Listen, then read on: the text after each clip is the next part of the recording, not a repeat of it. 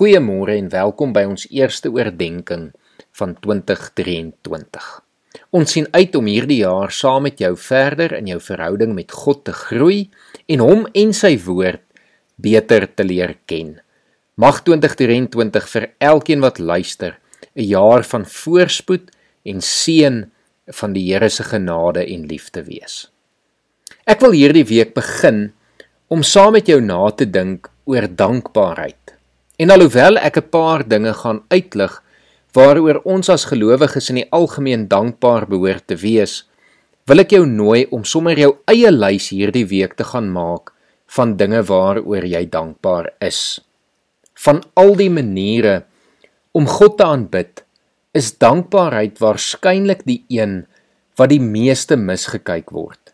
Van die mure tot die olifante sien ons hoe God se seënings op al sy skepsels uitgestort is. Maar slegs die mens beskik oor die vermoë om deur woorde en verbeelding uiting te gee aan dankbaarheid. 'n Lewe van dankbaarheid word deel van ons lewe wanneer ons ten volle besef wat God vir ons uit genade gedoen het en dit dan ons dryfkrag word om elke dag vanuit dankbaarheid te leef. En dit is waar ek vanoggend wil begin. Om vandag dankbaar te wees vir jou verlossing.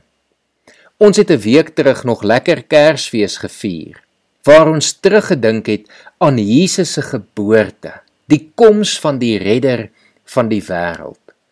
Johannes 3 vers 16 beskryf hierdie gebeurtenis in die baie bekende woorde: Want so lief het God die wêreld gehad dat hy sy enige gebore seun na die wêreld toe gestuur het sodat die wat in hom glo nie verlore sal gaan nie maar die ewige lewe sal hê. Ons is uit liefde en genade gered. Maar dit was 'n duur prys. Filippense 2 verwoord wat Jesus moes deurgaan om ons te kom verlos het op die volgende wyse.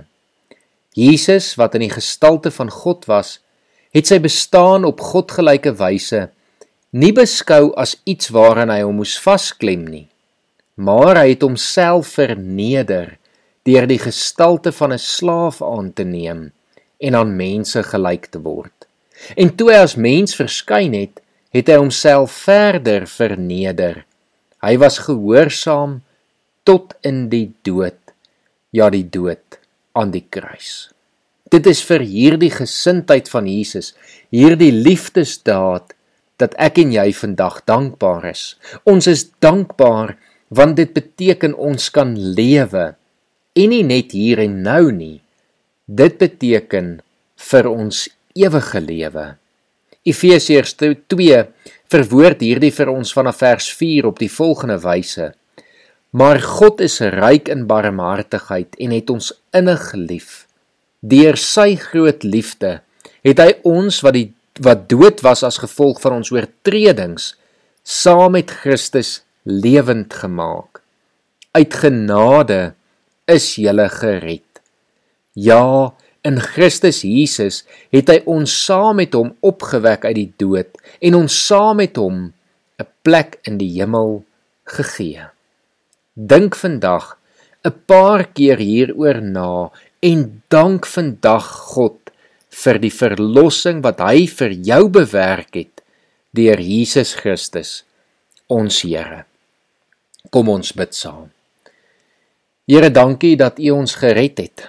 Here, dankie dat U bereid was om mens te word, om onder ons te kom woon en uiteindelik in ons plek te sterf sodat ons nie gestraf hoef te word vir al ons sondes nie.